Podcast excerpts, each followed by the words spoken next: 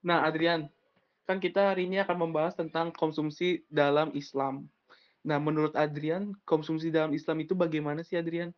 Apakah ada prinsipnya atau ada landasannya mendalaminya? Tolong Tuan Adrian paparkan materinya. Oke, terima kasih Dahri atas pertanyaan yang luar biasa itu. Wah, luar biasa tuh. Tadi pertanyaannya yakni apa sih yang dimaksud dengan konsumsi dalam ekonomi Islam itu? Nah, gua akan menjawabnya nih. Menurut Samuelson, konsumsi dalam kegiatan adalah kegiatan menghabiskan utility atau nilai guna barang dan jasa. Barang meliputi barang tahan lama dan barang tidak tahan lama. Sedangkan barang konsumsi menurut kebutuhannya yaitu kebutuhan primer, kebutuhan sekunder, dan kebutuhan tersier. Jadi intinya, konsumsi ialah menghabiskan atau kegiatan menghabiskan nilai guna, kawan-kawan. Misalkan nih, kita membeli makanan. Itu sama saja kita kita membeli makanan lalu kita makan. Itu proses makanan atau kegiatan makan itu proses konsumsi teman-teman. Maksudnya apa? Maksudnya kita menghabiskan nilai guna dari makanan tersebut. Manfaatnya dari makanan tersebut. Manfaatnya apa? Untuk mengenyangkan tubuh kita, untuk memberi energi kepada tubuh kita. Jadi itu teman-teman konsumsi menurut Samuelson. Nah, lalu bagaimana ekonomi Islam membahasnya? Nah, atau Islam membahasnya tentang konsumsi ini? Tenang kawan. Ada empat prinsip utama dalam sistem ekonomi Islam. Sesuai dengan Al-Quran. Yang diisyaratkan dalam Al-Quran. Apa aja itu? Yang pertama, hidup hemat dan tidak bermewah-mewahan. Yang bermakna bahwa tindakan ekonomi diperuntukkan hanya sekedar pemenuhan kebutuhan hidup atau needs, bukan pemuasan keinginan atau wants. Nah, jadi Islam tuh mengatur, bro. Islam itu mengatur, sis. Bahwa saat kegiatan ekonomi atau saat kegiatan konsumsi itu kita tidak boleh berlebihan. Tidak boleh bermewah-mewahan. Misalkan nih, wah gue lapar. Gue lapar nih. Gue beli makanan tapi beli makanannya banyak. Beli makanannya misalkan yang seharusnya perut kenyang itu 100 ribu tapi kita belinya 200 ribu dan kita makan tuh kegiatan konsumsi tuh 200 ribu itu akhirnya kita kekenyangan kekenyangan dan muntah akhirnya. Dan itu tidak boleh teman-teman. Itu tidak boleh. Itu hukumnya makruh Makanya dalam kegiatan konsumsi dalam ekonomi Islam itu kita harus apa tuh diperuntukkan hanya sekitar pemenuhan kebutuhan saja. Jangan makan secukupnya, mengkonsumsi sesuatu dengan secukupnya. Tidak berlebih-lebihan, tidak bermewah-mewahan. Bahkan dalam Al-Quran itu udah terterang jelas. Dalam Quran surat At-Takasur Al-Hakumut Takasur itu yang arti bermegah-megahan. Yakni orang-orang yang sering bermegah-megahan dan akibatnya apa di surat tersebut tuh? Yang kedua implementasi zakat dan mekanismenya pada istataran negara. Nah jadi itu kita untuk mengkonsumsi dalam Islam itu ada hak dua setengah persen bro. Ada ada hak dua setengah persen untuk orang-orang yang membutuhkan. Siapa aja itu fakir, miskin, dan sebagainya. Dan golongan-golongan orang-orang yang diperuntukkan untuk mendapatkan jaket dan sedekah tersebut, teman-teman. Yang ketiga, penghapusan riba. Di dalam Islam, itu tidak kenal yang namanya riba, bro tidak kenal kalau bahasa akuntansinya nih bahasa kerennya nih. Wis bahasa kerennya nih. Wah gaya bisa ya. Bahasa kerennya yakni interest revenue eh, interest expense atau beban bunga. Maaf. Atau interest revenue pendapatan bunga. Itu di dalam ekonomi Islam tidak ada yang namanya interest interest itu. Atau bunga bunga bunga tersebut. Bukan floors ya. Ini bunganya tuh bukan floors. Floors itu bahasa Inggris tapi kalau tadi interest revenue itu dalam bahasa accounting, itu dalam bahasa akuntansi. itu tidak ada yang namanya riba tersebut. Karena kenapa? Karena karena riba itu menurut Islam itu menguntungkan satu pihak dan merugikan pihak lain. Bukan menurut Islam saja, tapi kenyataannya memang seperti itu, teman-teman. Dia menguntungkan satu pihak dan merugikan pihak yang lainnya. Misalkan suatu bank dia menerapkan sistem riba atau sistem bunga. Yang diuntungkan kan satu pihak misalkan tuh. Pihak yang lainnya dirugikan. Ataupun yang lainnya ataupun sistem ataupun sistem yang riba lainnya pasti pasti kalian semua nih pada paham sekali tentang riba tersebut. Jadi saya tidak mengulas banyak tentang riba tersebut. Nah, tapi tapi apa dong? Tapi apa dong, Yan? Kalau di Islam tidak ada yang namanya riba, lalu dia menggunakan apa sih? Nah, Islam menggunakan bagi hasil misalkan misalkan nih kalian nabung di bank syariah pada saat akhir tahun tapi tergantung ya kalian nabungnya tuh kan ada hanya titip ada yang bagi hasil gitu ada mudoraba musyarakah gitu. Itu pada saat akhir tahun biasanya tuh uh, bank membagikan hasil keuntungannya. Kalau di bank maaf di bank konvensional itu dia disebutnya riba atau bunga. Siapa kira ada bunganya misalkan 10% ataupun 20% ataupun lainnya keuntungannya sedangkan di Islam membagi hasil misalkan anda menabung tadi di bank syariah BNI syariah Mandiri syariah dan bank-bank syariah lainnya. Lalu bank itu sedang untung nih misalkan BNI BNI kan atau BCA syariah itu lagi lagi booming boomingnya tuh. Profitnya lagi naik melonjak tinggi. Nah itu dalam Islam dalam, apa namanya itu membagi hasil bukan yang namanya riba nah selain itu yang terakhir teman-teman nih yang terakhir yang perlu kalian catat ekonomi Islam atau konsumsi dalam, dalam ekonomi Islam itu menjalankan usaha-usaha yang halal. Jauh dari maisir dan goror. Karena kenapa? Karena konsumsi dalam Islam itu mengutamakan keberkahan, bro. Utama keberkahan. Tapi yan, ah lu mah nggak asik banget sih, masa cari keberkahan gitu. Harusnya kan cari keuntungan lah, keuntungan hidup ini harus untung bro pasti kalian ingin bertanya seperti itu lalu saya jawab lalu gue jawab pertanyaan kalian itu pemikiran kalian seperti itu salah teman-teman pemikiran pemikiran kalian seperti itu salah bro.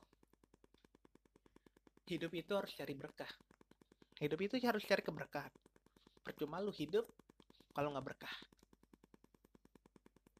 Makanya dalam ekonomi Islam nih sangat-sangat dijaga banget tuh keberkahannya. Atau sangat-sangat dijaga sekali aturan-aturan uh, apa namanya tuh batas-batasan Islam supaya kegiatannya itu tidak melanggar. Oleh karena itu, empat prinsip utama ini harus ditegakkan. Teman-teman, dalam konsumsi dalam ekonomi Islam itu. Mungkin itu tentang konsumsi dalam ekonomi Islam dari. Nah, menurut lo nih, nah tadi kan menurut gue ya, menurut gue nih, menurut gue tadi itu tadi kan ada pengertian dan ada empat prinsip utama itu. Nah, menurut lo apa sih ekonomi eh, konsumsi dalam ekonomi Islam itu? Tolong dong jelaskan. Oke? Okay?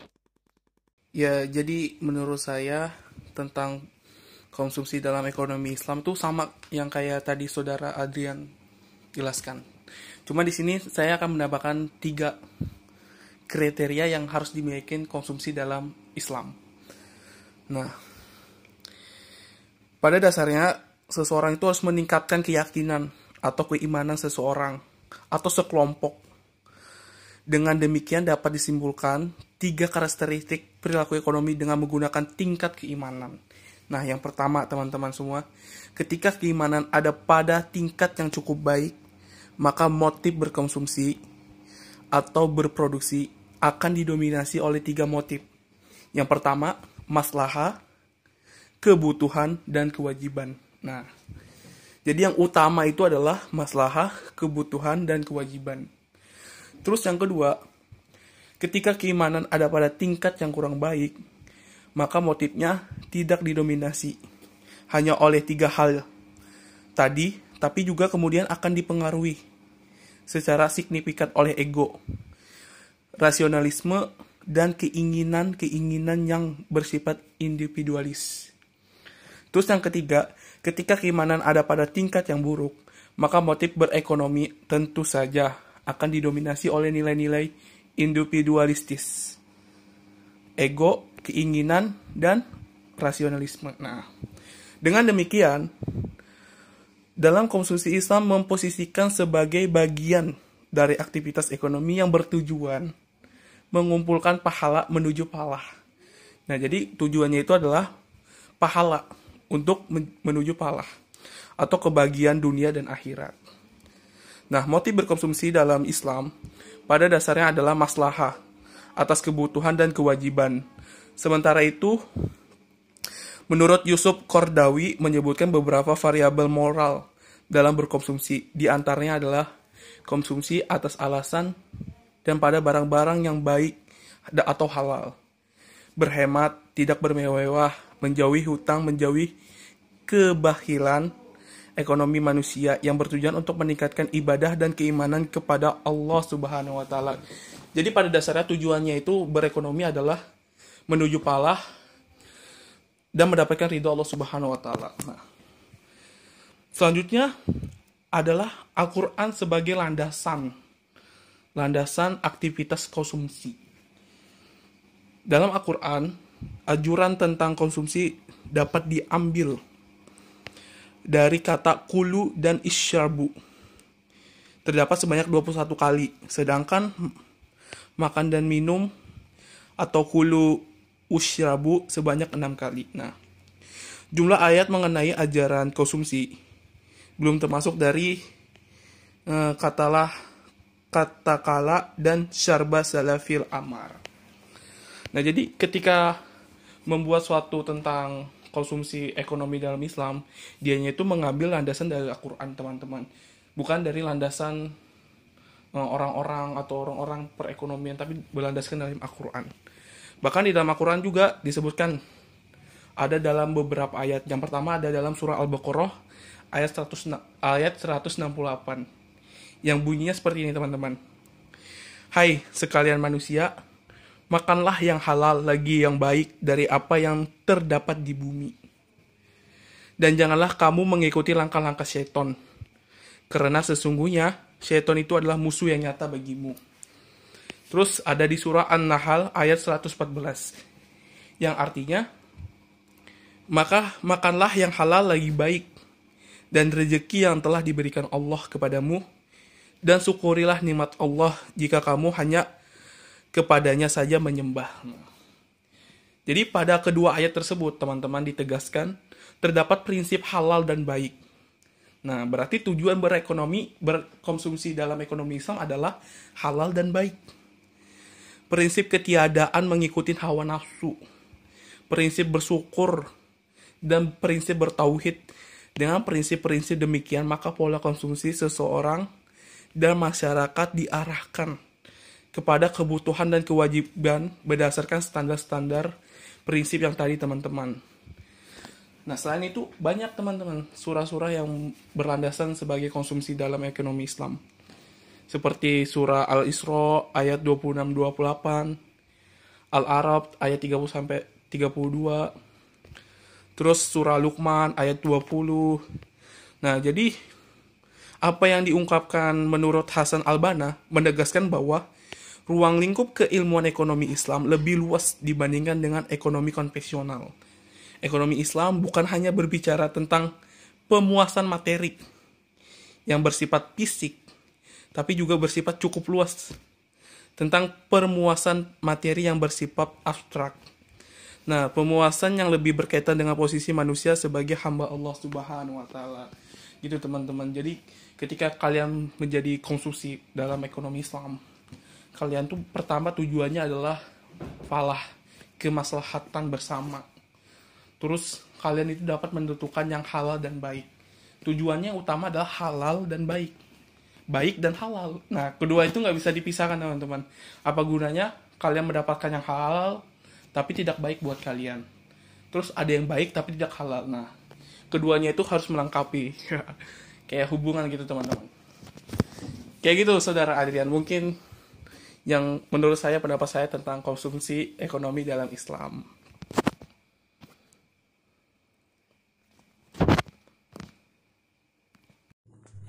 Oh, jadi seperti itu ya dari. Jadi tuh eh, dalam konsumsi ekonomi Islam itu harus baik dan halal ya gitu ya. Hmm, ya ya ya. Ingat tuh teman-teman.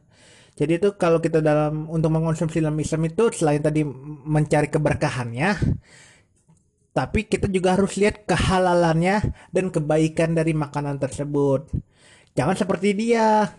Percuma kita baik, tapi dia tidak mau dihalalkan. Bukan seperti itu teman-teman, bukan seperti itu. salah salah, bukan bukan. Jangan jangan itu ya. Maksudnya tuh uh, kita percuma saja makanan halal tapi dapatkannya itu tidak baik gitu maksudnya. Dan ataupun sebaliknya gitu, percuma saja kita baik atau mendapatkan makanan tersebut tetapi ternyata makanan itu haram gitu dan sebagainya. Jadi ingat tuh teman-teman. Oke. Nah, dari tadi kan kita udah bahas tentang konsumsi dalam ekonomi Islam tuh. Nah, selanjutnya kita bahas nih tentang produksi. Kan kurang afdal nih kita mengkonsumsi barang tapi barang itu diprosesnya dengan cara apa gitu. Kan otomatis dengan cara produksi dan kurang afdal kita kita tidak mengetahui produksi dalam Islam itu apa gitu. Nah, dari menurut lo gimana produksi dalam Islam itu, dalam ekonomi Islam itu? Apakah ada prinsip-prinsip ya kah atau pengertiannya kah atau gimana dari menurut lo? Ya, jadi produksi dalam ekonomi Islam itu mempunyai motif. Jadi motifnya itu adalah kemaslahatan, kebutuhan, dan kewajiban. Demikian pula dengan konsumsi. Jadi perilaku produksi merupakan usaha seseorang atau sekelompok untuk melepaskan dirinya dari kekafiran. Jadi tujuannya itu yang pertama adalah kemaslahatan. Terus menurut Yusuf Kordawi tahun 1995, secara eksternal, perilaku produksi itu dimaksudkan untuk memenuhi kebutuhan setiap individu sehingga dapat membangun apa ya kemandirian kemandirian umat. Nah, sedangkan motifnya perilaku adalah keutamaan mencari nafkah terus menjaga sumber daya seperti flora, fauna, dan alam sekitar. Dilakukan secara profesional dan berusaha pada sesuatu yang halal. Nah, jadi intinya adalah halal, teman-teman semua. Karena itu dalam sebuah perusahaan nih, misalnya ada sebuah perusahaan nih. Jadi yang diutamakan itu adalah asumsi-asumsi produksi, produksi harus dilakukan untuk barang yang halal dengan proses produksi dan pasca produksi yang tidak menimbulkan kemudorotan. Jadi semua orang diberikan kebebasan untuk melakukan usaha produksi. Jadi nggak ada tuh orang-orang nggak nggak boleh melakukan produksi. Semuanya tuh boleh melakukan produksi. Tapi tujuannya utama adalah menurut menurut Islam adalah yang halal dan baik. Nah berdasarkan pertimbangan kemaslahatan, menurut Muhammad Abdul Manam, pertimbangan perilaku produksi tidak semata-mata didasarkan pada permintaan pasar. Jadi produksi dalam ekonomi Islam adalah setiap bentuk aktivitas yang dilakukan manusia untuk mewujudkan manfaat atau menambahkannya dengan cara mengeksploitasi sumber-sumber ekonomi yang disediakan oleh Allah Subhanahu wa taala sehingga menjadi masalahat dan untuk memenuhi kebutuhan manusia. Begitu teman-teman. Di dalam Al-Quran juga ada di surah Al-Muluk tuh tentang menjelaskan produksi. Yang artinya, dialah yang menjadikan bumi ini mudah bagi kamu, maka berjalanlah di segala penjurunya, dan makanlah sebagian dari rezekinya, dan hanya kepadanya lah kamu kembali setelah dibangkitkan. Terus ada lagi di surah Quran surah Hud ayat 61 yang artinya dan kepada Samud kami utus saudara mereka yang soleh. Soleh berkata, Hai kaumku, sembahlah Allah.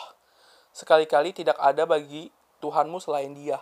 Dia telah menciptakan kamu dari bumi dan menjadikan kamu pemakannya. Sesungguhnya Tuhanku amat dekat rahmatnya, lagi memperkenankan doa hambanya. Begitu teman-teman. Jadi eh, produksi itu adalah landasannya berdasarkan Al-Quran. Selanjutnya teman-teman ada prinsip-prinsip produksi. Nah, setelah melakukan produksi itu kita harus tahu tuh prinsip produksi. Nah, jadi produksi secara singkat adalah pedoman yang harus diperhatikan, ditaati dan dilakukan ketika akan berproduksi. Jadi prinsip-prinsip produksi dalam Islam itu di antaranya nih teman-teman. Satu, berproduksi dalam lingkaran yang halal. Jadi produksi yang wajib dilaksanakan oleh setiap muslim baik individu maupun komunitas adalah berpegangan pada semua yang dihalalkan Allah dan tidak melewati batas. Nah, jadi kalau muslim ah, menurut Islam, kita tuh harus mencari yang halal.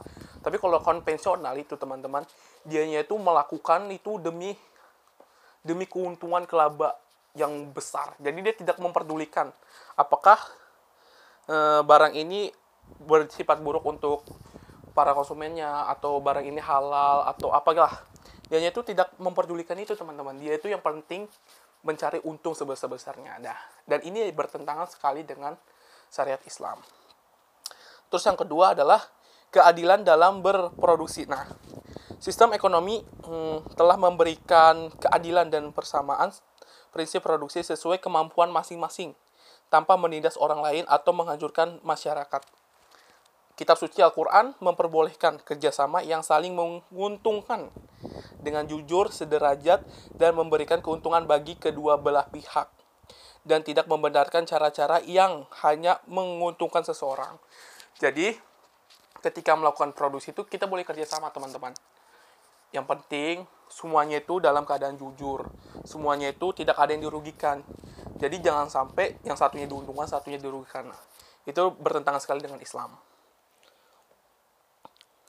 Terus yang ketiga adalah seluruh kegiatan produksi terikat pada tataran nilai moral dan ternikal yang Islam.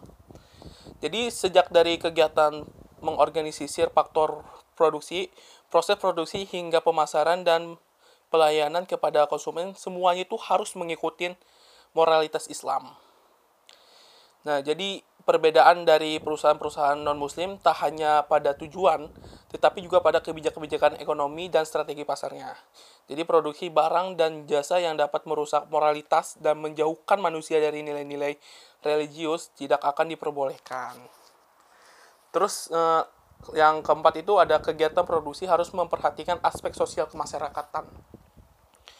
Jadi kegiatan produksi harus menjaga nilai-nilai keseimbangan teman-teman dan ekonomi dengan harmoni dengan lingkungan sosial dan lingkungan hidup dalam masyarakat dah. Dalam skala yang lebih luas, selain itu masyarakat juga berhak menikmati hasil produksi secara memadai dan berkualitas. Terus yang terakhir nih, yang tidak kalah penting adalah permasalahan ekonomi muncul bukan saja karena kelangkaran tetapi lebih kompleks. Nah, jadi masalah ekonomi muncul bukan karena adanya kelangkaan sumber daya ekonomi untuk memenuhi kebutuhan manusia saja, tetapi juga disebabkan oleh kemalasan dan pengabdian optimalisasi segala anugerah dari Allah, baik dalam bentuk sumber daya alam maupun sumber daya manusia. Jadi, sikap tersebut dalam Al-Quran sering disebut sebagai kezoliman atau pengingkaran terhadap nikmat Allah. Hal itu akan membawa impleksi bahwa prinsip produksi bukan sekedar efisiensi tetapi secara luas adalah bagaimana mengoptimasikan mengoptimalisasikan pemanfaat sumber daya ekonomi dalam kerangkaan pengabdian manusia kepada Tuhannya. Jadi pada dasarnya eh, tujuannya utama itu adalah pengabdian kepada Tuhan. Nah, jadi kegiatan produksi dalam perspektif Islam bersifat altruistik. Sehingga prosud, prosud, sehingga produsen tidak hanya mengejar keuntungan maksimum saja, Begitu saudara Adrian. Jadi yang pertama nih ya, saudara Adrian, ketika kita ingin melakukan produksi, tujuan kita yang pertama adalah demi kemaslahatan bersama. Terus kalau kita mau melakukan kerjasama itu boleh teman-teman. Eh boleh kalau kita melakukan kerjasama. Yang penting Adrian kerjasamanya itu tidak boleh merugikan salah satu pihak. Semua harus diuntungkan dan atas dasar kejujuran. Begitu saudara, saudara Adrian. Kalau menurut saudara Adrian sendiri bagaimana nih produksi tentang ekonomi Islam? Nah, jadi begitu Adrian tentang produksi dalam Islam. Nah, kalau menurut Adrian sendiri bagaimana produksi dalam Islam itu? Apakah ada faktor-faktornya atau landasan yang mendalami faktor produksi tersebut? Oke, terima kasih dari atas pertanyaan yang selanjutnya nih ya. Pertanyaannya bagus banget juga. Apa sih ada enggak gitu faktor-faktor tentang produksi itu? Maka jawabnya ada, teman-teman. Macam-macam faktor produksi itu secara teori nih ya.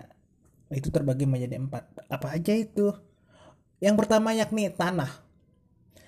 Hal yang dimaksud dengan istilah tanah ini atau land ini bukanlah sekedar tanah untuk ditanami untuk ditinggali saja.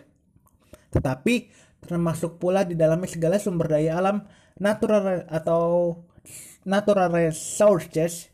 Dengan demikian istilah tanah atau land ini maksudnya adalah segala sesuatu yang bisa menjadikan faktor produksi berasal dan atau tersedia di alam di alam ini tanpa usaha manusia. Jadi itu kenapa tanah ibarat kata nih tanah itu sebagai bahan baku bahan baku lah kita untuk mengelola produksi otomatis harus ada yang namanya bahan baku dong. Nggak mungkin kan. Kegiatan produksi itu dia tidak ada yang namanya bahan baku atau Islam penunjang untuk uh, barang yang akan dijadikan itu. Nggak mungkin kan ujuk-ujuk jadi pasti ada yang namanya pro, apa namanya bahan bakunya tersebut loh. Seperti kita manusia nih bahan bakunya kan dari tanah. Atau seperti uh, motor bahan bakunya kan misalkan besi ataupun kaca ataupun dan lainnya. Itu bahan baku. Jadi tanah ini bukan bukan land yang kita pikirkan gitu loh. Tapi land atau tanah di sini maksudnya ialah bahan baku yang akan dijadikan untuk produksi barang tersebut gitu.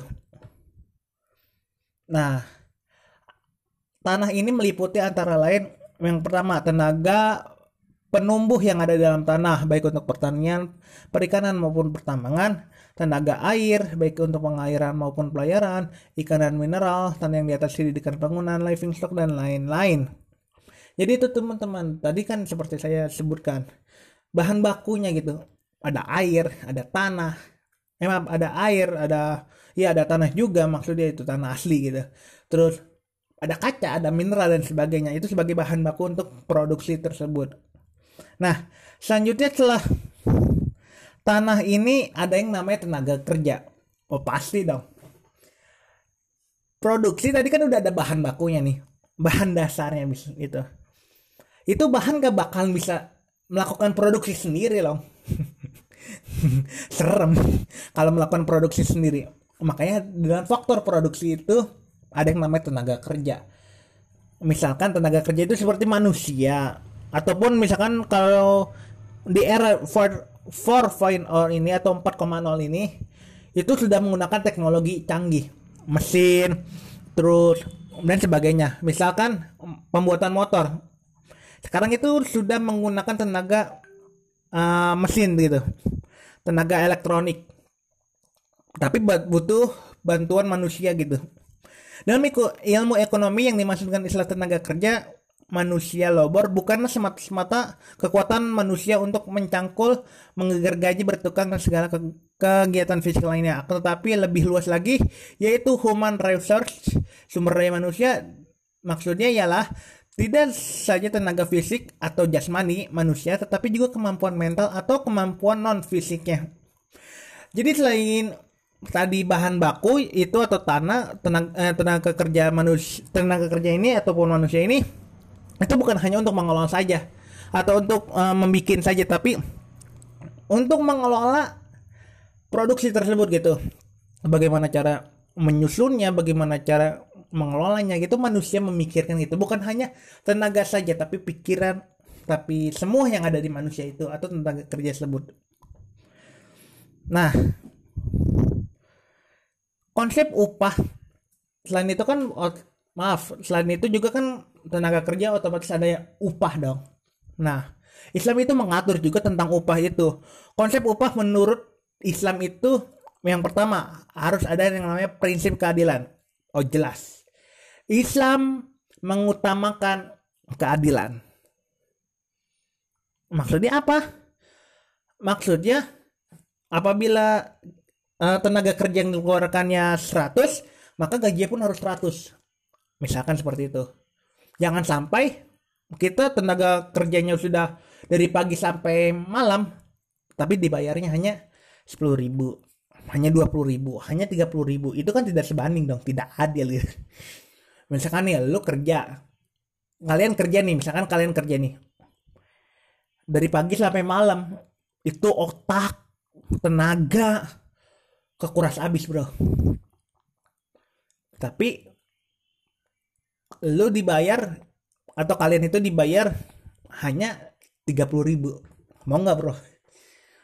Pasti gue yakin lu akan out dari kerja tersebut. Karena kenapa? Karena lu merasa wah gaji gue masih segini doang gitu. Nggak ada keadilan. Oleh karena itu di dalam Islam itu prinsip adil itu ditegakkan sekali gitu. Bahkan di dalam Al-Quran pun sudah terterang sekali. Salah satunya di Quran Surat Al-Ma'idah ayat 8 yang artinya berbuat adillah karena adil itu lebih dekat kepada takwa.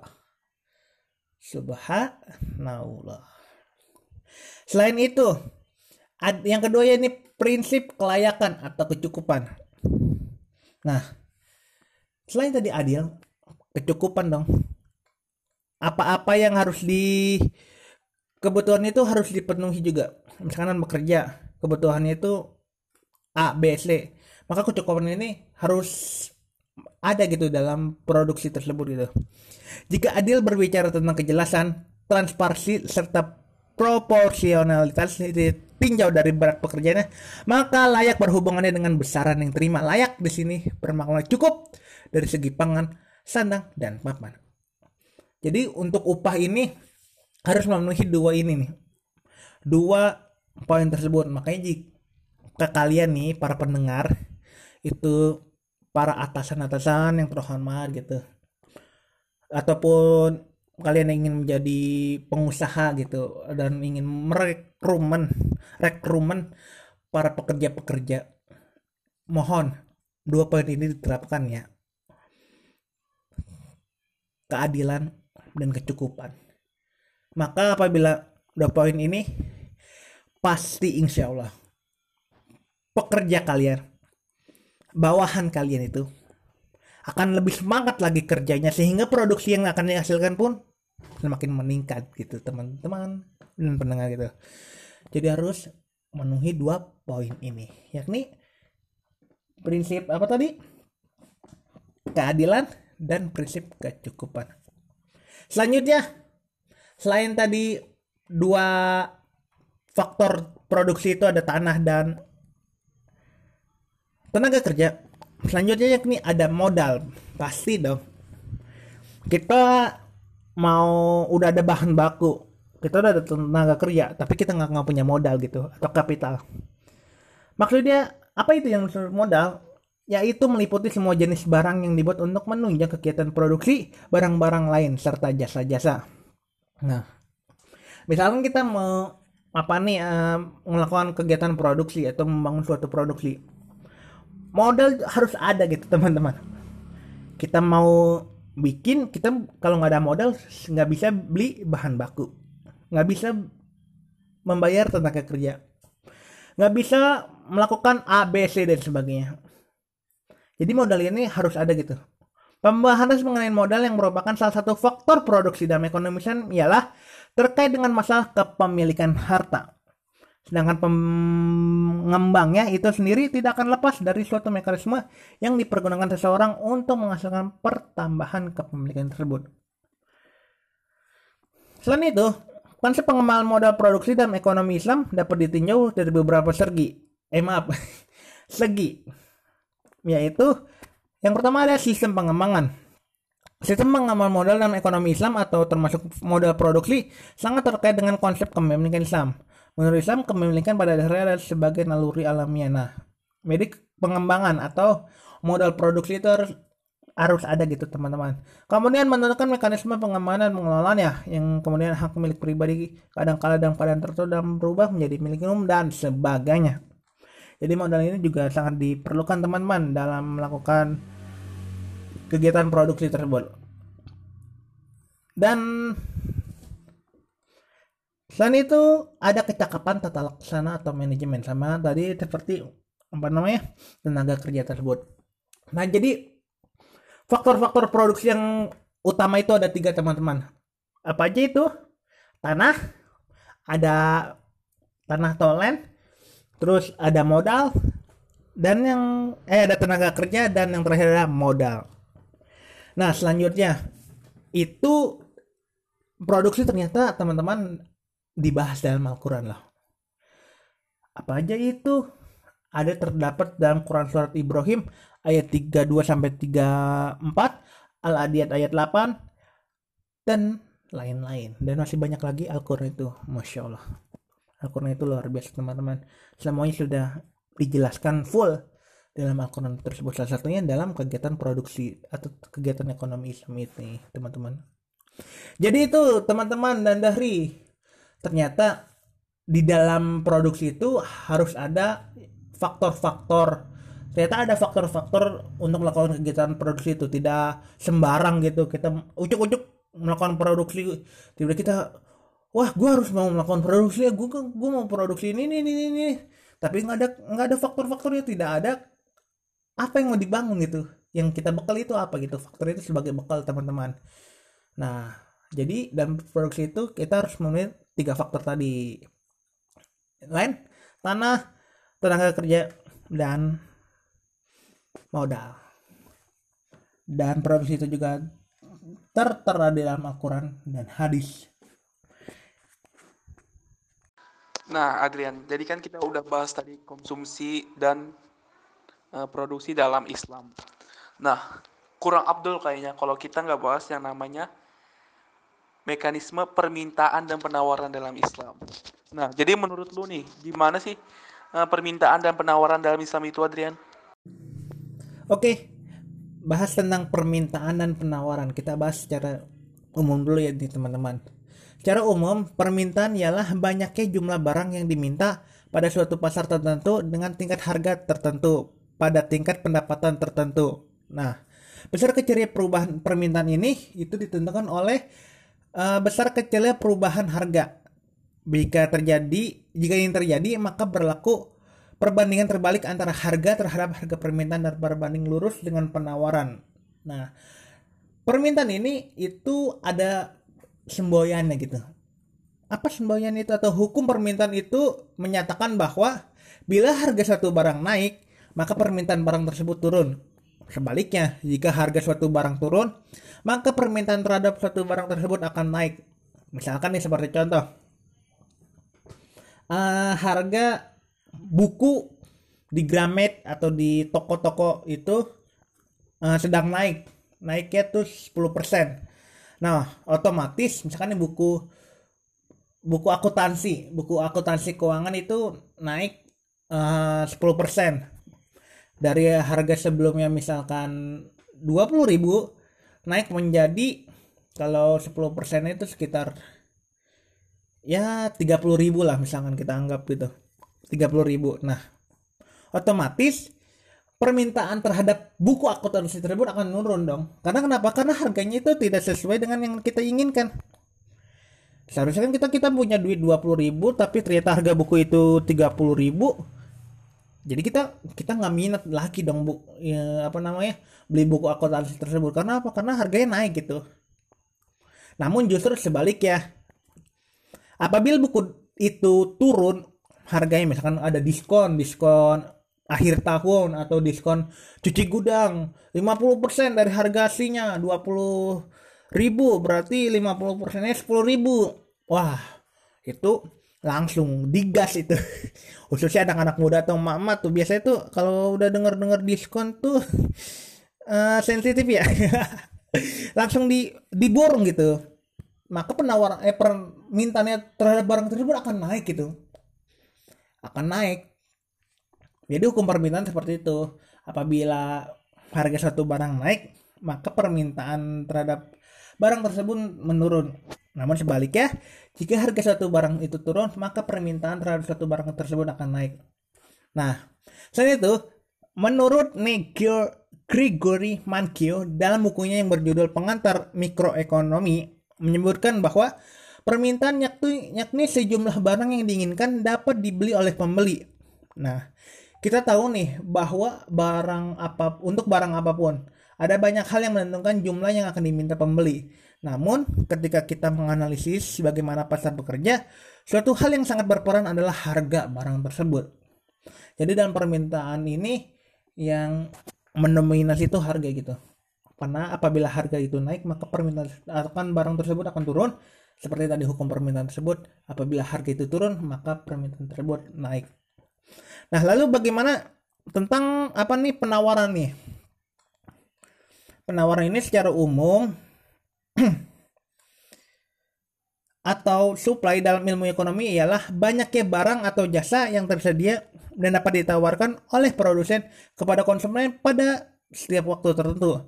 Nah, jadi penawaran ini dapat didefinisikan yaitu banyaknya barang yang ditawarkan oleh penjual pada suatu pasar tertentu, pada periode tertentu, dan pada tingkat tertentu. Jadi itu teman-teman tentang uh, penawaran. Nah, lalu bagaimana Islam mem memandang gitu? Memandang tentang permintaan dan apa namanya? penawaran tersebut. Nah, Islam itu memandang bahwa permintaan dan penawaran tersebut harus stabil, teman-teman.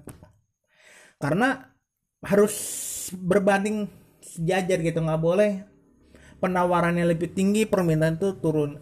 Itu maka tidak ada yang namanya keseimbangan dalam pasar. Itu tidak ada itu.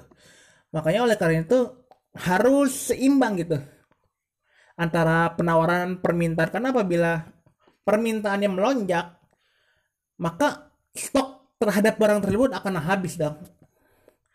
Akan habis dan harga akan meningkat. Dan itu nggak boleh gitu. Ataupun sebaliknya penawarannya semakin tinggi, maka terhadap permintaan tersebut akan menurun. Jadi harus seimbang gitu. Jadi Islam itu kan memandang prinsip keadilan. Jadi harus adil gitu antara uh, permintaan dan penawaran itu harus seimbang. Jadi itu teman-teman tentang permintaan dan penawaran tersebut. Nah, tadi kan gue udah bahas nih ya tentang permintaan dan penawaran tersebut nih. Nah dari menurut lo nih, ada nggak sih faktor-faktor yang mempengaruhi gitu tentang permintaan dan penawaran dalam Islam tersebut gitu? Kalau ada, tolong dong jelasin gitu dan sebutkan apa aja sih faktor-faktornya tersebut.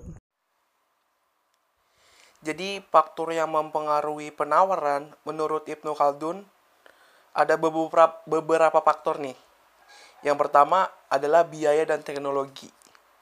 Karena biaya dan teknologi adalah dua konsep yang sangat erat berkaitan satu sama lain. Jadi yang dimaksud dengan biaya adalah biaya yang dikeluarkan. Nah, untuk memproduksi barang dan jasa yaitu mencakup biaya tenaga kerja, biaya bahan baku. Nah, jika sistem ekonomi konvensional dalam eh, apa ya, dalam dalam operasinya itu menurut Ibnu Khaldun. Terus teknologi adalah penemuan dan peningkatan yang diterapkan untuk menurunkan biaya produksi. Contohnya nih adalah penggunaan robot dan komputer, ya kan? Jadi gunanya robot dan komputer itu adalah untuk menurunkan biaya produksi. Yang keempat adalah jumlah penjual. Nah, jadi jumlah penjual memiliki dampak langsung terhadap penawaran. Makin banyak jumlah penjual yang mampu menjual pada tingkat harga tertentu makin tinggi penawaran. Terus eh, dugaan atau suatu masa depan yang akan datang. Jadi aspek dugaan atau ekspektasi terhadap masa depan mencakup dengan mencakup dengan mengenai perubahan perubahan harga dari barang tersebut. Misalnya nih, jika penjual menduga bahwa harga barangnya akan meningkat di masa yang akan datang, ia akan mengurangi penawarannya. Jadi pada saat ini penawaran eh jadi pada saat ini akibatnya penawaran berkurang. Hal ini dilarang oleh Nabi. Karena seperti nanti yang akan kita lihat perilaku ini mengakibat harga di pasar melonjak. Jadi seperti apa ya? Jadi kayak penumpukan barang gitu loh. Jadi barangnya ditumpuk, ditumpuk, pas barangnya harganya naik baru dijual. Nah, itu dilarang oleh Nabi. Terus kondisi alam. Kondisi alam seperti uh, seperti banjir, gempa bumi dan sebagainya itu bisa mempengaruhi namanya penawaran. Kayak jadi contohnya nih gara-gara banjir petani gagal panen petani di sawah terus gara-gara bencana alam banyak orang yang gagal panen. Jadi itu juga termasuk yang dapat mempengaruhi namanya penawaran. Nah jadi permintaan dan penawaran itu adalah dua konsep yang mendasari kegiatan perekonomian yang sangat luas. Jadi permintaan dan penawaran juga merupakan dua kata yang paling sering digunakan oleh para ekonom Keduanya merupakan kekuatan-kekuatan yang membuat uh, perekonomian perekonomian pasar jadi bekerja. Nah, konsep ekonomi Islam juga mengenai permintaan dan penawaran ini mirip sekali dengan ekonomi konvensional. Namun, nih, perlu digarisbawahi, terdapat batasan-batasan individu untuk berperilaku sesuai dengan aturan syariah dalam ekonomi Islam. Jadi norma dan moral islami merupakan prinsip dasar Islam dalam melakukan kegiatan ekonomi. Sehingga teori ekonomi yang terjadi menjadi berbeda dengan teori pada ekonomi konvensional. Jadi ada batasannya ya. Jadi kalau ekonomi syariah itu berdasarkan aturan syariah. Terus konsep permintaan dalam Islam menilai suatu komoditi barang dan jasa. Tidak semuanya bisa untuk dikonsumsi atau digunakan karena dibedakan antara yang halal maupun yang haram.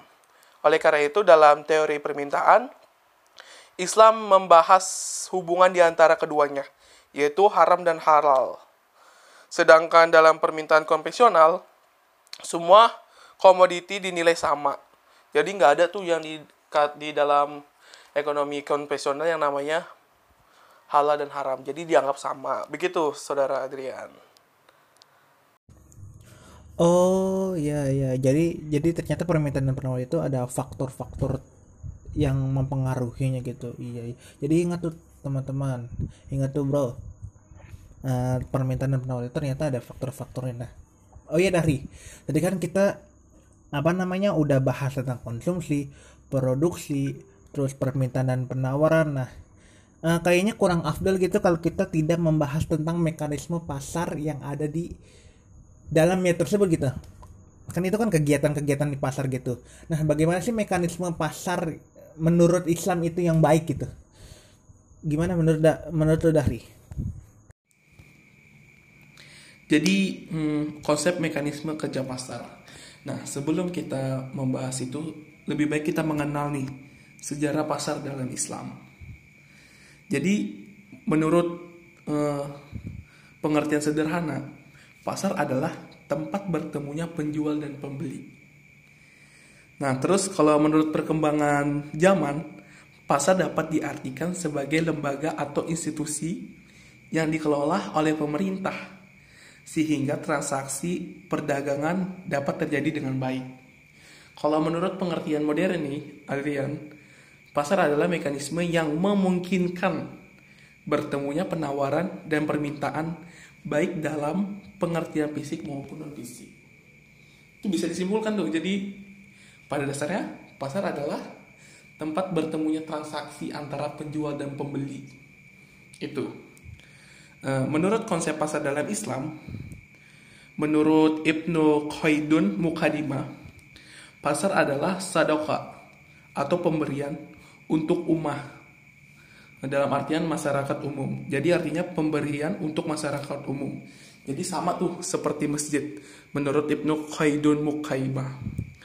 Jadi menurut evolusi pasar, yang pertama pasar adalah sebuah tempat terbuka. Terus yang kedua, pasar menjadi barang publik yang menjadi tanggung jawab pemerintah. Jadi pada dasarnya pasar itu terbuka untuk umum dan yang bertanggung jawab itu adalah pemerintah. Nah, oh, menurutnya nih, menurut menurut saya nih ada ciri pasar dalam tradisi Islam. Jadi ciri-ciri pasar dalam tradisi Islam itu yang pertama adalah pasar adalah milik umum. Ia adalah milik umat.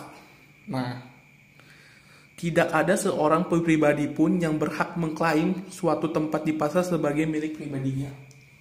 Jadi pada dasarnya ketika ada sebuah pasar, pasar itu bukan punya orang ya, bukan suatu punya si A, punya si B, punya si C, tapi itu tuh adalah milik umat, milik bersama yang digunakan untuk melakukan transaksi jual beli. Nah, terus ada Orang yang berhak untuk masuk dan keluar dari pasar dengan bebas untuk membuka dagangannya. Jadi setiap orang tuh boleh tuh keluar masuk pasar untuk melakukan transaksi, untuk melakukan penjualan, untuk melakukan pembeli di dalam pasar. Tidak ada orang yang boleh melarang, tidak ada batasan dalam hal tersebut. Hmm, baru tuh setiap orang dapat membuka dagangannya tanpa membayar kepada siapa pun. Terus jika seseorang sudah selesai melaksanakan aktivitas jual belinya, orang lain dapat menggantikannya di tempat tersebut dengan gratis. Jadi pada dasarnya sistem pasar dalam tradisi Islam itu tidak ada tuh yang namanya membayar tempat. Jadi pasar itu boleh dipakai siapa pun. Ketika contoh nih, Adrian lagi buka lapak nih. Ah, Adrian jualan di situ, itu boleh tapi ketika Adrian udah selesai melakukan transaksi jual beli, orang lain boleh menempatin tempat Adrian tadi. Jadi tidak ada pembatasan atau sesuatu yang harus membayar kayak membayar tempat di tersebut. Nah, yang, yang terakhir nih hisbah atau sebuah institusi untuk uh, apa ya? Hisbah sebuah institusi unik dalam sistem Islam mempunyai peran utama sebagai pengatur, pengawas, pengelolaan dan pengendalian pasar. Nah, jadi kan pasar ini besar nih. Karena pasar ini besar, jadi harus ada yang ngolah. Harus ada pengendalian pasar sehingga pasar itu bisa menjadi baik. Nah, orang yang mengelola pasar tersebut disebut hisbah. Nah, ada banyak nih pasar-pasar yang ternama, pasar-pasar Islam yang ternama di Jazirah Arab dan sekitarnya. Yang pertama ada pasar bursa atau Samsyiria, tempat pertemuan Rasulullah dan Bahira. Terus ada pasar Ukad antara Toib dan Mekah atau kota Mekah dan Al-Adhadiyah.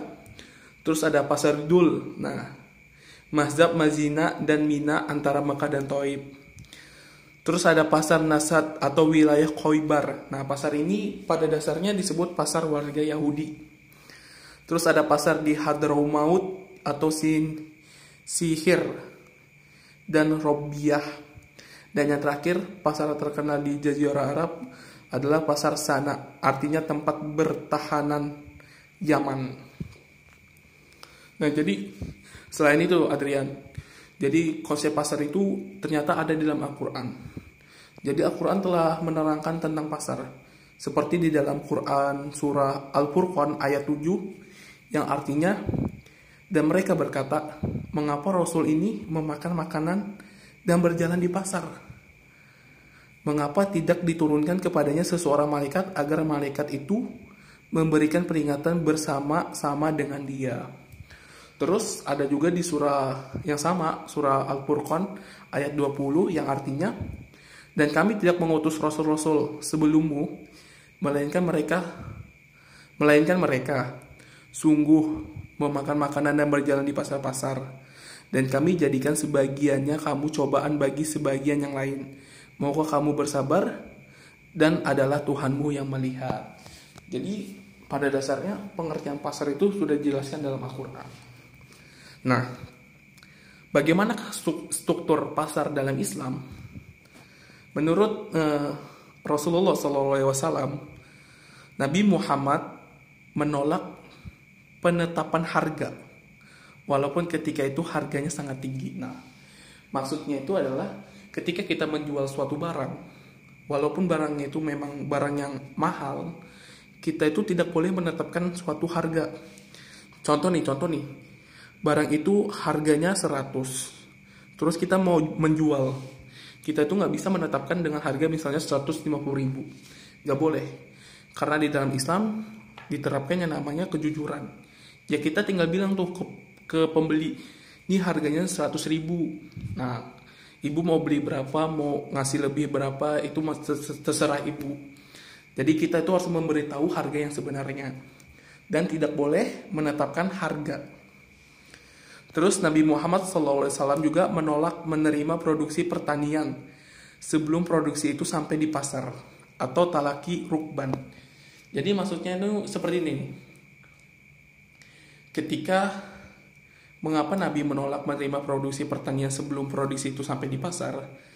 Karena banyak terjadi yang namanya kecurangan nantinya, nantinya terjadi kecurangan. Contohnya gini, orang-orang yang melakukan pertanian itu biasanya dia membawa dagangannya ke pasar. Apabila kita membeli dari dari petani, pasti harganya dengan murah. Contohnya harganya 50 ribu. Tetapi pas kita jual di pasar itu harganya 100 ribu. Nah itu sama aja kayak kita menetapkan sebuah harga. Jadi Nabi Muhammad itu menolak hal yang seperti itu. Jadi lebih baik petani itu membawa har membawa barangannya dulu ke pasar baru melakukan transaksi. Nah, bahkan Nabi Muhammad juga pernah ditanya nih Adrian sama seseorang. Dia berkata begini nih, dia kata, "Wahai Rasulullah, harga-harga barang banyak yang naik. Maka tetap tetapkanlah keputusan yang mengatur harga barang." Terus Nabi Muhammad SAW menjawab, "Sesungguhnya Allah adalah zat yang menetapkan harga, yang menyempitkan dan melapangkan rezeki, sang pemberi rezeki. Sementara aku berharap bisa berjumpa dengan Allah dalam keadaan tidak ada seorang pun dari kalian yang menuntutku. Disebabkan kejolimanku dalam urusan darah maupun harta. Hadis riwayat Ahmad, Abu Dawud, Termiji, Ibnu Majah. Nah, jadi bisa disimpulkan bahwa yang boleh berhak menetapkan harga itu adalah Allah. Karena Allah adalah zat yang paling tinggi. Allah adalah yang memberi rezeki dan melapangkan rezeki.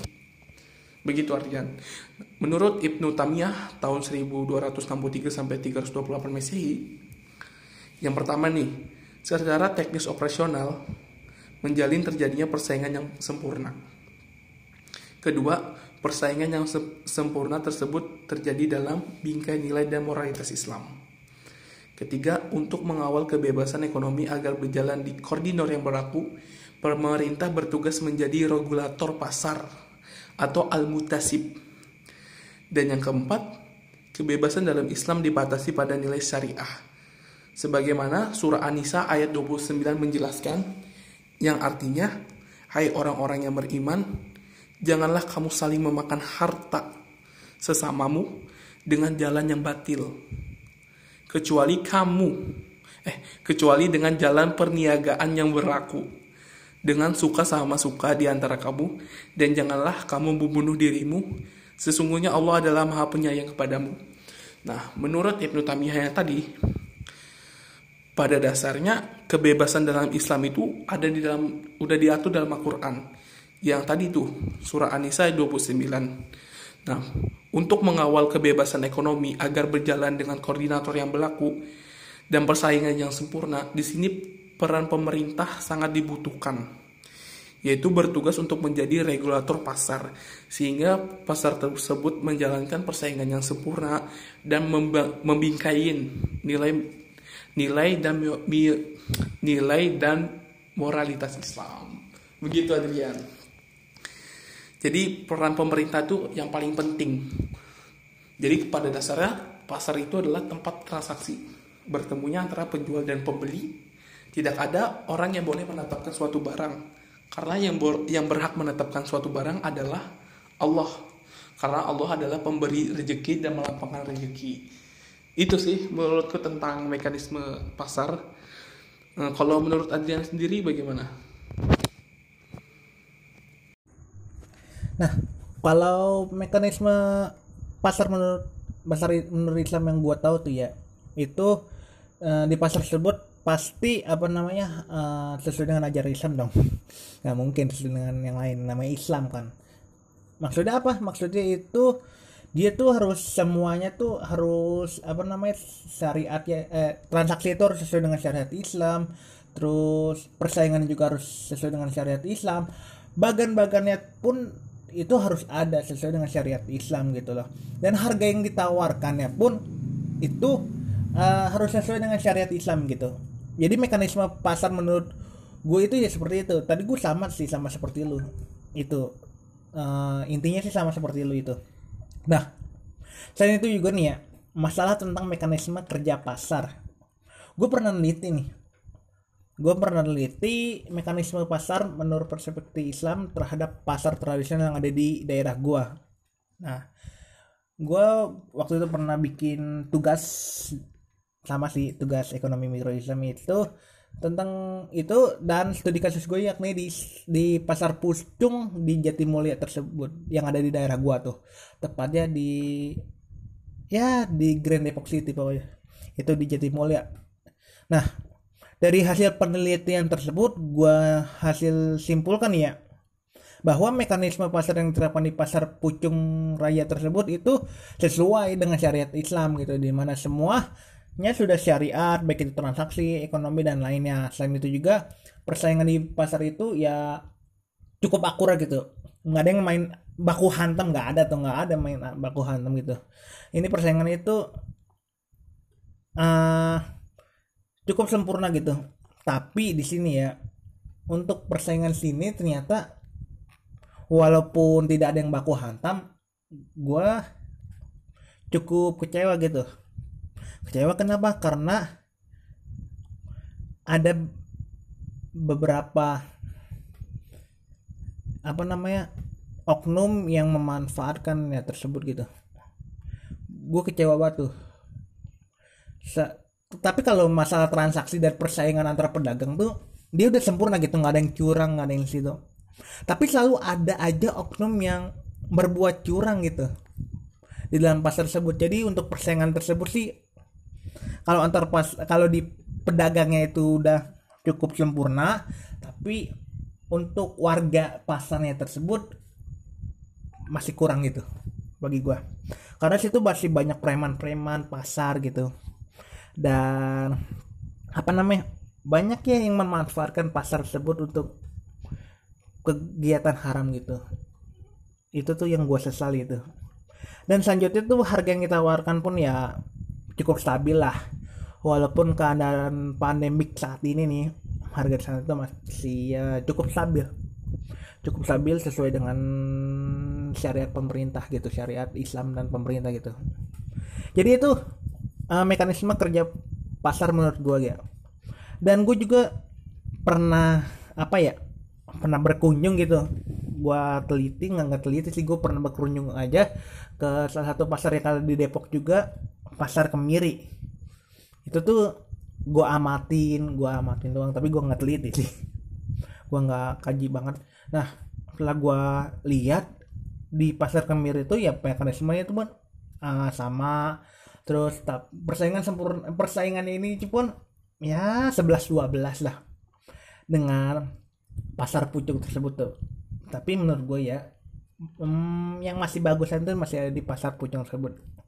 Harganya pun ya stabil lah. Jadi gitu. Jadi ternyata mekanisme kerja pasar uh, yang sesuai dengan syariat Islam itu tidak semua pasar tuh ya menerapkan gitu loh gue masih menyayangkan gitu ya nah ini nih mungkin buat pemerintah itu harus lebih bijak lagi tuh dalam mengelola pasar. Khususnya dalam mekanisme pasar sesuai dengan syariat Islam khususnya nih ya.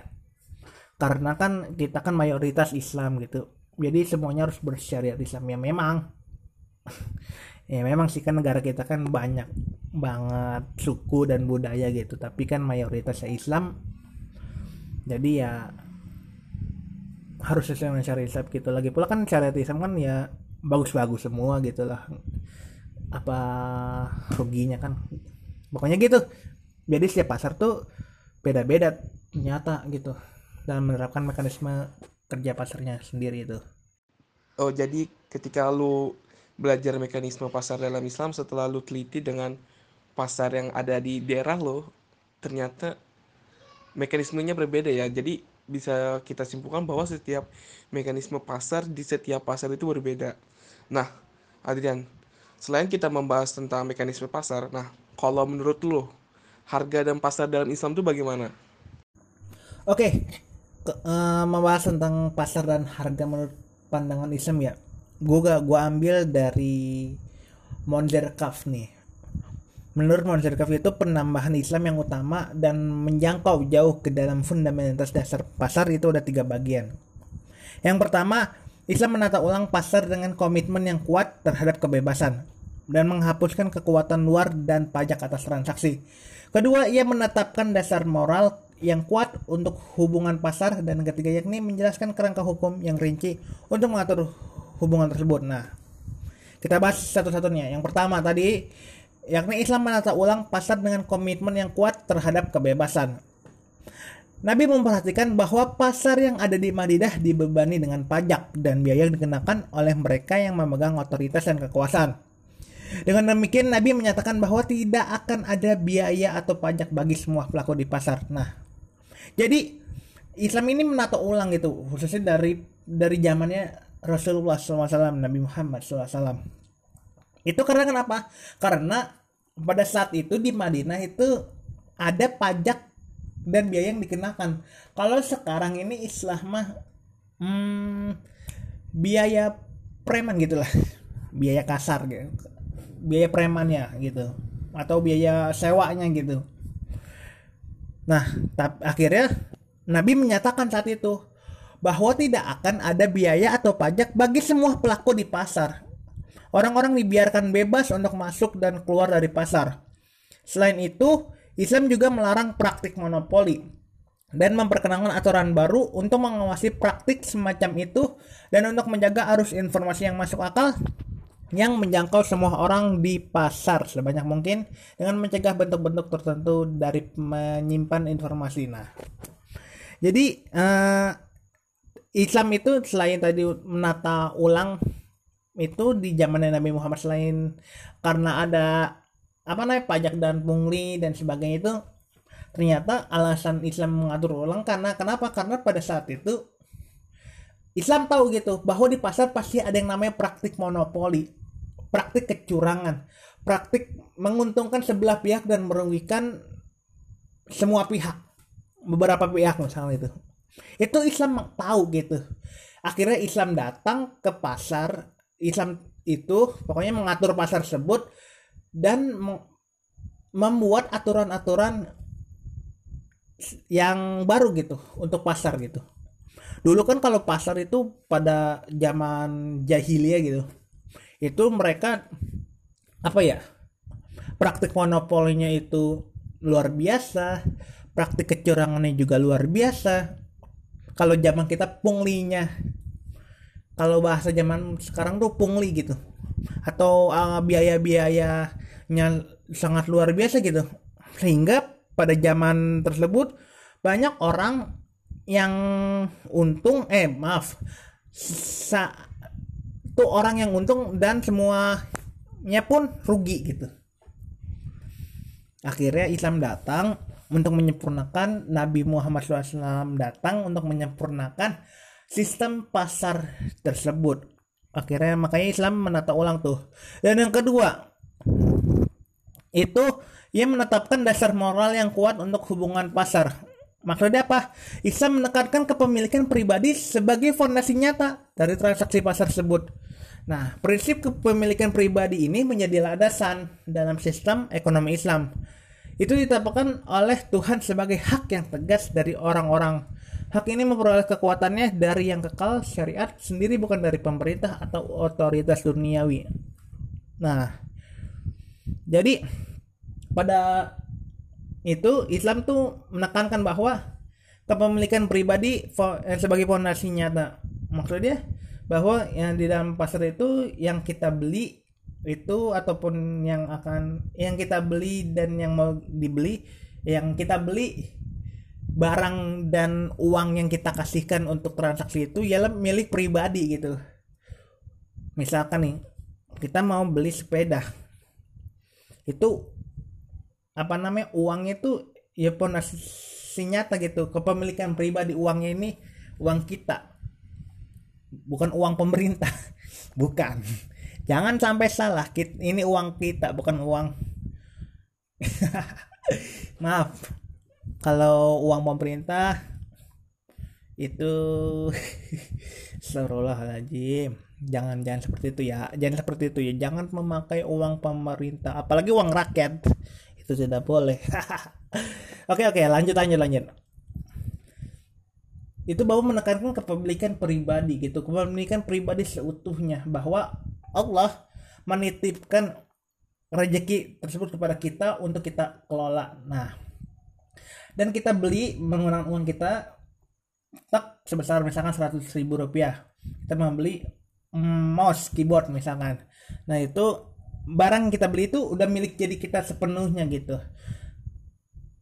Uh, kenapa demikian? Karena pada saat itu dulu itu sistemnya apa ya? Pokoknya masih ketanggung lah jadi kalau menurut Islam itu bahwa menekankan kepemilikan pribadi sebagai fondasi nyata dan yang ketiga yakni menjelaskan kerangka hukum yang rinci untuk mengatur hubungan tersebut.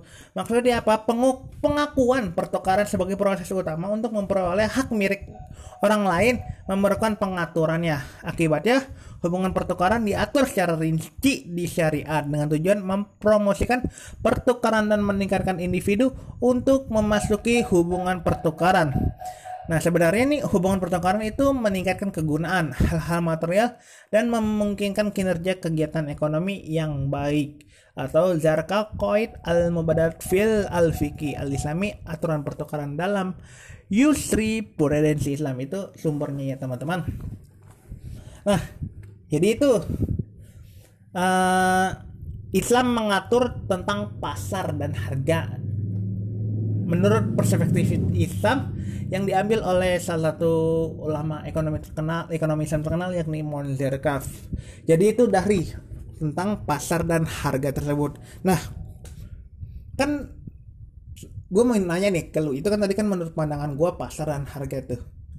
Nah di dalam pasar itu kan otomatis kan ada yang namanya apa tuh uh, sistem pertukaran gitu pertukaran. Nah menurut lu nih ada nggak sih hukum-hukum pertukaran tersebut? Kalau misalkan ada sebutkan gitu. Hukum pertukaran itu apa sih gitu menurut lo? Hukum pertukaran. Kalau kita membahas hukum pertukaran dalam Islam biasanya itu merujuk kepada apa merujuk untuk mengatur pertukaran dan hubungan di pasar. Jadi tujuannya adalah mengatur hubungan di pasar agar pasar tersebut stabil. Nah jadi ada beberapa fitur atau poin yang harus dilakukan untuk melakukan hukum pertukaran. Yang pertama nih Adrian, pertukaran harus selalu didasarkan pada penerimaan dan keinginan bebas.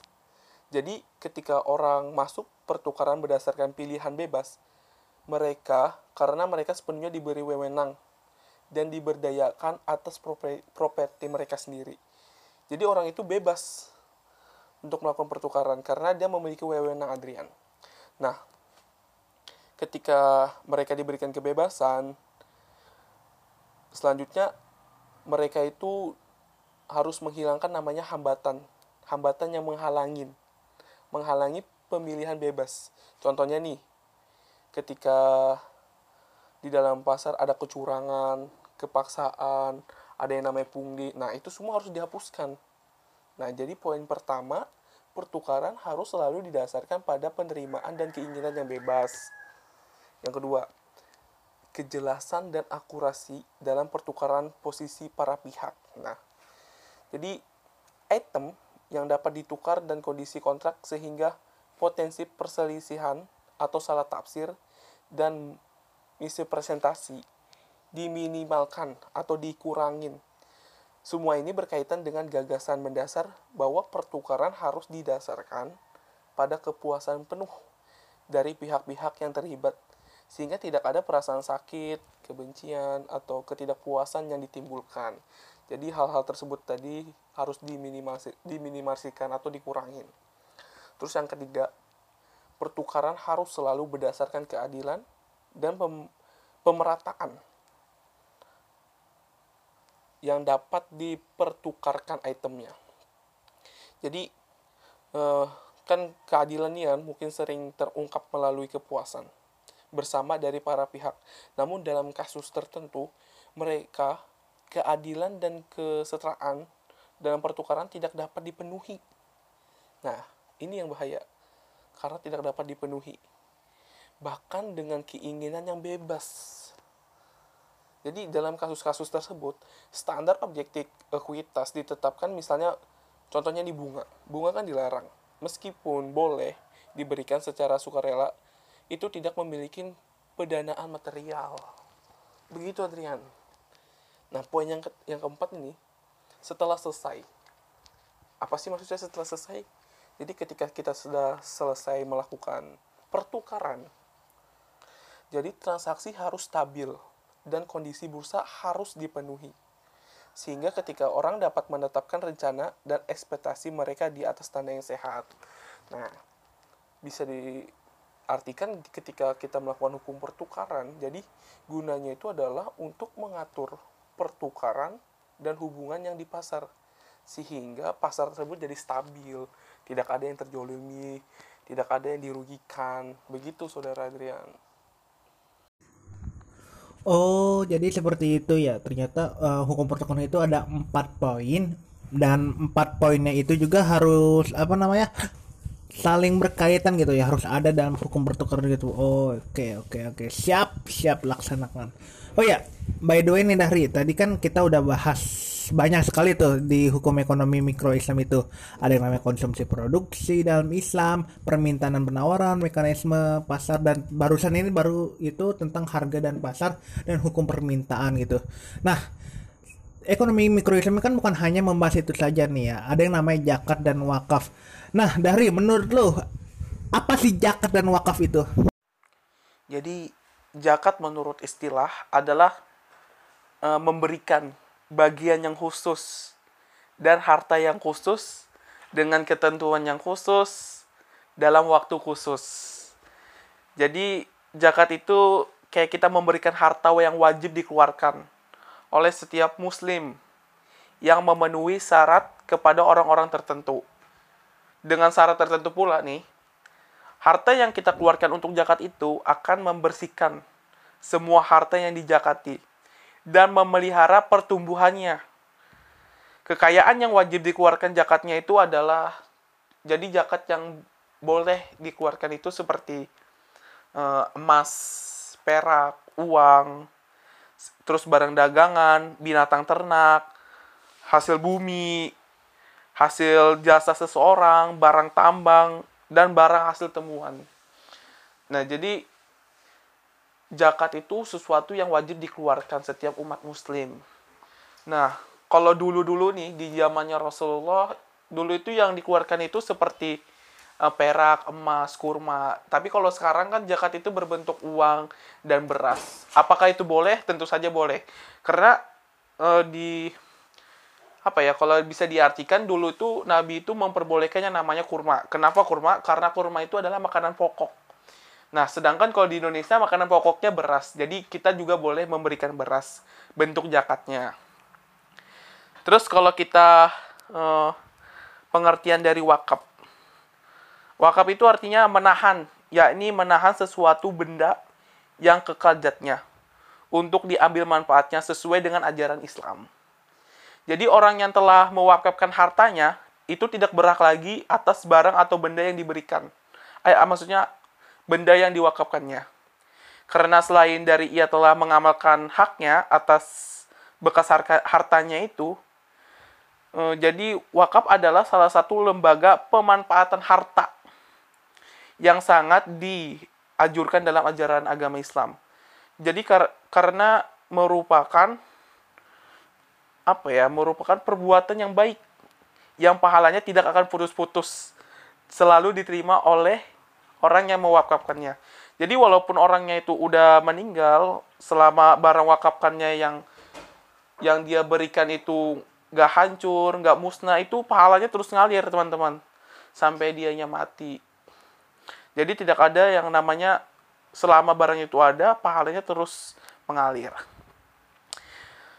Uh, adapun syarat orang yang berwakat berwakaf harus terwujudin, yaitu harus ada orang yang mewakafkan barangnya. Kedua, ada barang yang diwakafkan. Ketiga, ada anjuran yang jelas. Keempat, ada pernyataan atau ikar dari orang yang berwakaf. Dan kelima, ikar itu di kalau menurut di Indonesia itu harus diucapkan menurut ketentuan yang berlaku. Di dalam Al-Qur'an juga dijelaskan uh, hubungan dengan perintah melaksanakan wakaf yaitu ada di surah Al-Baqarah ayat 267 yang artinya hai orang-orang yang berimam nafkahlah di jalan Allah sebagian dari hasil usahamu yang baik dan sebagian dari apa yang kami keluarkan dari bumi untuk kamu. Jadi wakaf itu juga dianjurkan teman-teman untuk kita lakukan. Karena apabila kita berwakaf, terus harta yang telah kita wakafkan itu bukan hak kita lagi. Itu adalah milik orang milik umum. Nah, selama wakaf itu dipakai masyarakat contohnya kayak jalan, gedung, terus fasilitas-fasilitas yang bisa dipakai umum, selama itu dipakai, terus kita mati nih, itu pahalanya tetap terus mengalir teman-teman. Gak ada putus selama barang itu dipakai dan tidak musnah. Begitu tentang pengertian zakat dan wakaf. Nah, kalau Nah, jadi itu ya pengertian dari zakat dan wakaf. Nah, menurut lo Adrian, bagaimana sih penerapan zakat dan wakaf yang benar itu bagaimana? Oke, uh, kalau menurut gue nih ya, penerapan zakat dan wakaf yang baik itu bagaimana gitu kan ya. Jadi itu penerapan zakat dan wakaf yang baik itu otomatis harus sesuai dengan apa namanya distribusinya itu harus tepat sasaran gitu misalkan nih dalam zakat. Zakat itu kan distribusinya tuh harus ke tujuh golongan ya. Uh, fakir miskin hamba saya gorim dan lain-lain. Dan tujuh golongan tersebut gitu. Jangan sampai tujuh golongan ini yang harus itu yang diprioritaskan tidak mendapat kebagian gitu.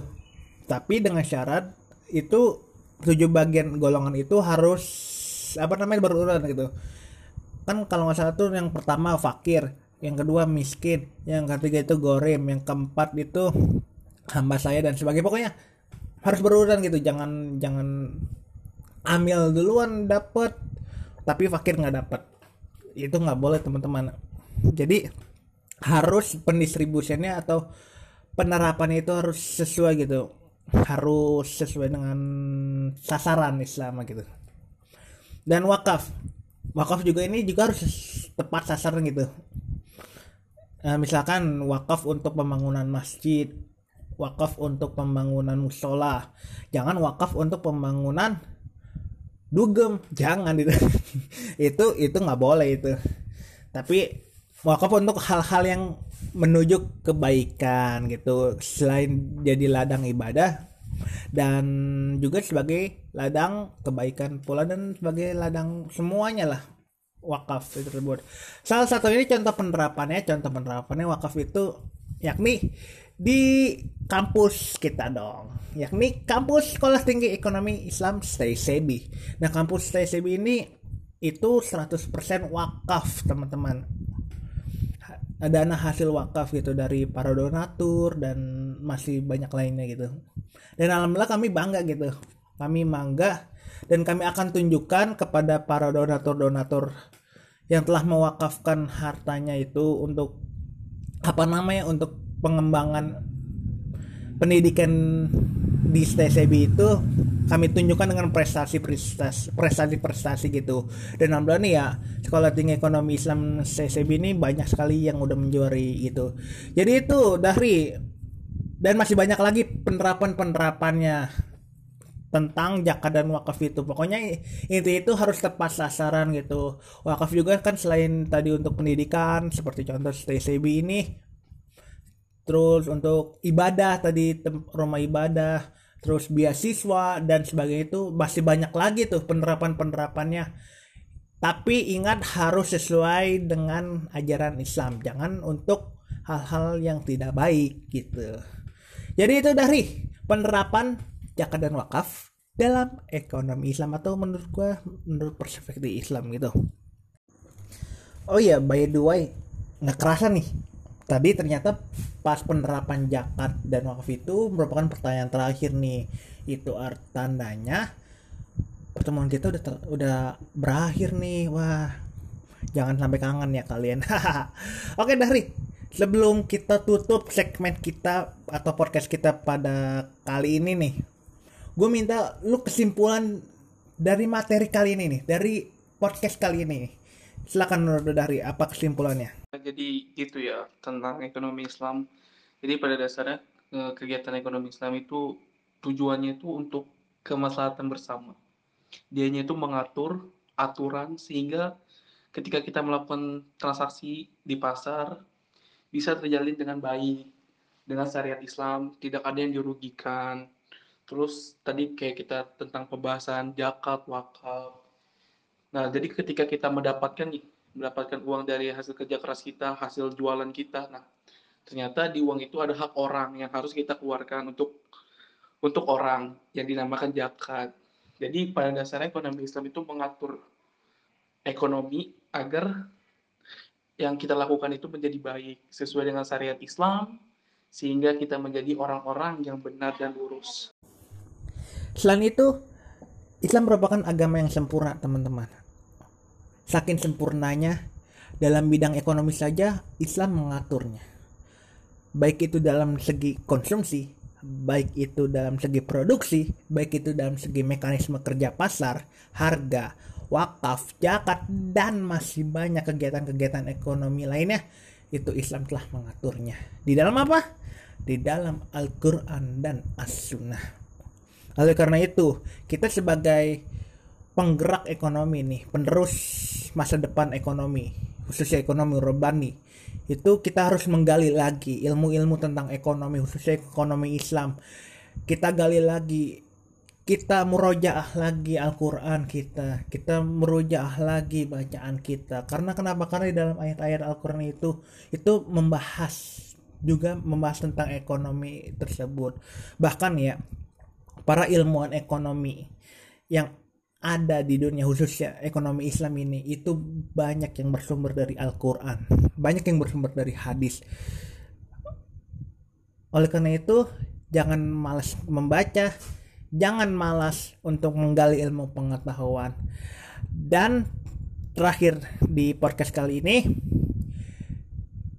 selalu jaga kesehatan, selalu memakai masker, selalu mencuci tangan, terapkan protokol kesehatan, terapkan 3M, mencuci tangan, memakai masker, menjaga jarak, dan tetap semangat selalu. Oke, gua Muhammad Adriansa dan dan gua Muhammad Rabil Dahri. Pamit undur diri dari hadapan kalian. Kurang lebihnya mohon dimaafkan. Bilahi taufik walidayah Assalamualaikum warahmatullahi wabarakatuh. See you and bye bye